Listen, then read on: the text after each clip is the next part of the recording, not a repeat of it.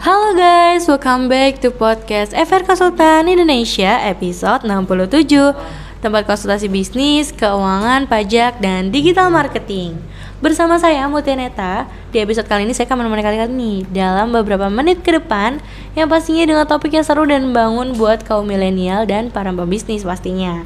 Are you ready to be a billionaire at young age? Pastiin kamu dengerin sampai selesai ya Terlepas dari kemauan kuat agar bisnis berkembang lebih cepat, sejarah menunjukkan kalau pemilik usaha justru lebih sering mendapati jalan terjal pada prosesnya. Satu gangguan paling sering muncul yaitu terkait keuangan, terutama di aspek manajemen keuangan.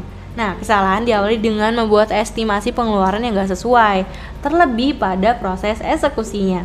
Padahal, kalau bisnis dianalogikan dengan organisme hidup, atur keuangan menjadi semacam suplai oksigen dan menyusun estimasi keuangan berperan sebagai alat monitor oksigennya. Nah, berikut ini nih beberapa kesalahan menyusun estimasi yang mengancam suplai oksigen perusahaan. Langsung aja kita bahas. Yang pertama, gagal membuat rencana. Nah, satu kapan tepat guna menggambarkan betapa pentingnya membuat rencana yaitu gagal membuat rencana berarti merencanakan kegagalan. Nah, dengan begitu, sebesar dari sekecil apa pun skala bisnis yang kamu punyai, rencana tetap merupakan aspek penting yang wajib ada. Tapi, satu kesalahan besar yang terkait penyusun estimasi adalah terutama di bisnis kecil, yaitu gagal menjaga konsistensi untuk tetap berpegang dan anggaran seperti apa yang sudah ditetapkan. Alasannya sih pada proses eksekusi, yang mana pembisnis kerap merubah susunan anggaran hanya berdasarkan prediksi tanpa adanya bukti kuantitatif yang menunjukkan apakah performa bisnis lebih baik atau buruk. Nah, itu sebabnya menyusun estimasi anggaran pemasukan dan pengeluaran sebaiknya dilakukan di tiap bulan agar menyesuaikan kondisi yang ada.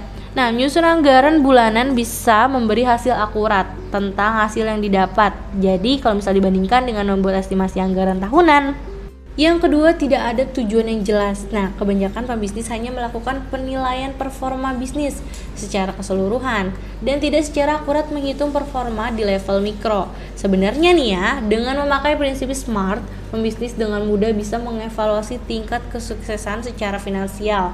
Apakah sudah sesuai target yang disusun? Nah, target ini maksud nantinya bisa menuntun pada tujuan yang ingin dicapai.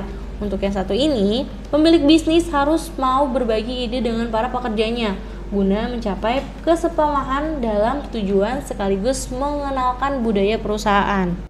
Yang ketiga, estimasi terlalu tinggi. Nah, gak masalah juga kalau misalnya kita mengharapkan hal yang sama tetap berlanjut seperti yang udah-udah. Tapi jebakan paling umum saat menyusun anggaran yaitu membuat estimasi terlalu tinggi, murni berdasarkan insting. Hmm, bahkan hanya dengan prediksi, proyeksi pertumbuhan 1% sampai 2% bisa memberi pengaruh buruk pada kepengeluaran yang berlebihan. Yang keempat bergantung pada historis. Nah, selain membuat estimasi terlalu tinggi, kesalahan lain yaitu tergantung pada data historis dalam membuat rencana keuangan karena dianggap punya target yang sama. Nah, meski data historis penting, tapi indikator paling penting yaitu tren market yang berlangsung. Terlalu tergantung pada data historis bisa menyebabkan kegagalan dalam beradaptasi dengan situasi baru loh yang memicu kemudian kesalahan estimasi. Nah, akurasi dalam membuat estimasi anggaran merupakan kunci utama perkembangan bisnis. Tapi bukan berarti harus bergantung sepenuhnya ya pada realisasi anggaran masa lalu untuk merencanakan estimasi anggaran berikutnya. Yang kelima bisa terjadi karena human error. Nah, barangkali satu kesalahan besar membuat estimasi anggaran yaitu karena human error. Tak peduli bagaimana sih kelengkapan data yang dianalisis, human error bisa muncul kapan saja, lalu merusak proses perencanaannya. Nah, beberapa aplikasi software memang membantu, meski tetap dioperasikan manusia.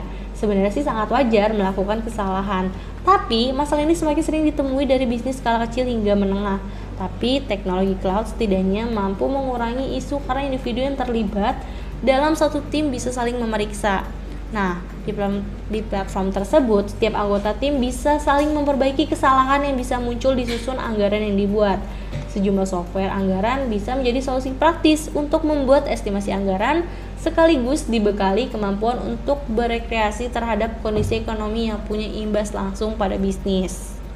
Dan yang keenam, pemotongan anggaran. Nah, strategi paling mudah nih ya untuk mengatur pendanaan yaitu saling mengurangi anggaran pengeluaran Meski di banyak kasus situasi ini menjadi solusi praktis yang mengurangi masalah keuangan, tapi banyak pembisnis loh yang tak mengambil pertimbangan serius tentang area mana sih yang harus dikurangi, memotong anggaran pemasaran misalnya. Mungkin ini memangkas pengeluaran di jangka pendek, tapi bisa mengancam kelangsungan potensi penjualan produk dalam jangka panjang.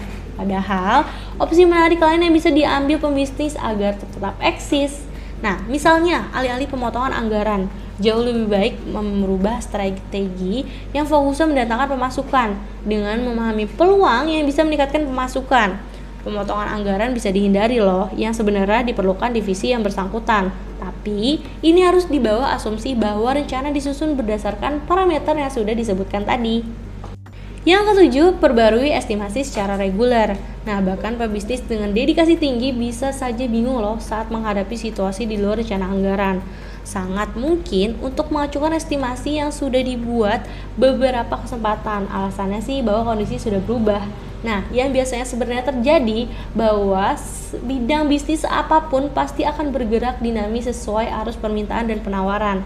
Dan jika tidak ingin bisnis gulung tikar, sebaiknya sih pembisnis harus mulai melihat kondisi sekitar hingga bisa membuat estimasi yang tepat sesuai dengan keadaan.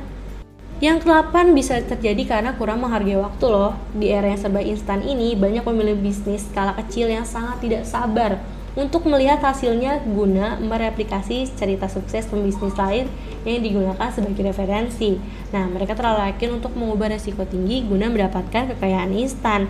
Nah, sebenarnya kenyataannya adalah sangat sulit menghasilkan uang dalam jumlah besar secara instan stabilitas dan rencana jangka panjang dengan tingkat kehati-hatian tinggi lebih bisa diandalkan untuk menghadirkan keuntungan bersifat konsisten dengan tidak terburu-buru mau memakai studi pemodelan peluang bisnis mendapat hadiah paling tinggi tanpa perlu mengambil risiko terlebih dari lupa tidur malam.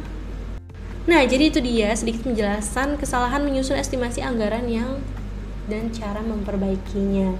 Nah gimana nih kira-kira pembahasan kali ini? Thanks banget ya buat para gadget dan para pembisnis yang udah dengerin sampai akhir di episode 67 kali ini. Untuk mendapatkan lebih banyak tips dan trik tentang bisnis, keuangan pajak maupun digital marketing, kalian bisa pantau terus ya podcast FR Konsultan Indonesia dan tunggu update di Instagram at FR Indonesia. Oh iya, kalian juga bisa konsultasi gratis loh selama 20 menit pertama dengan menghubungi nomor 0813-828-9991 atau mengunjungi website kami di everkonsultanindonesia.com.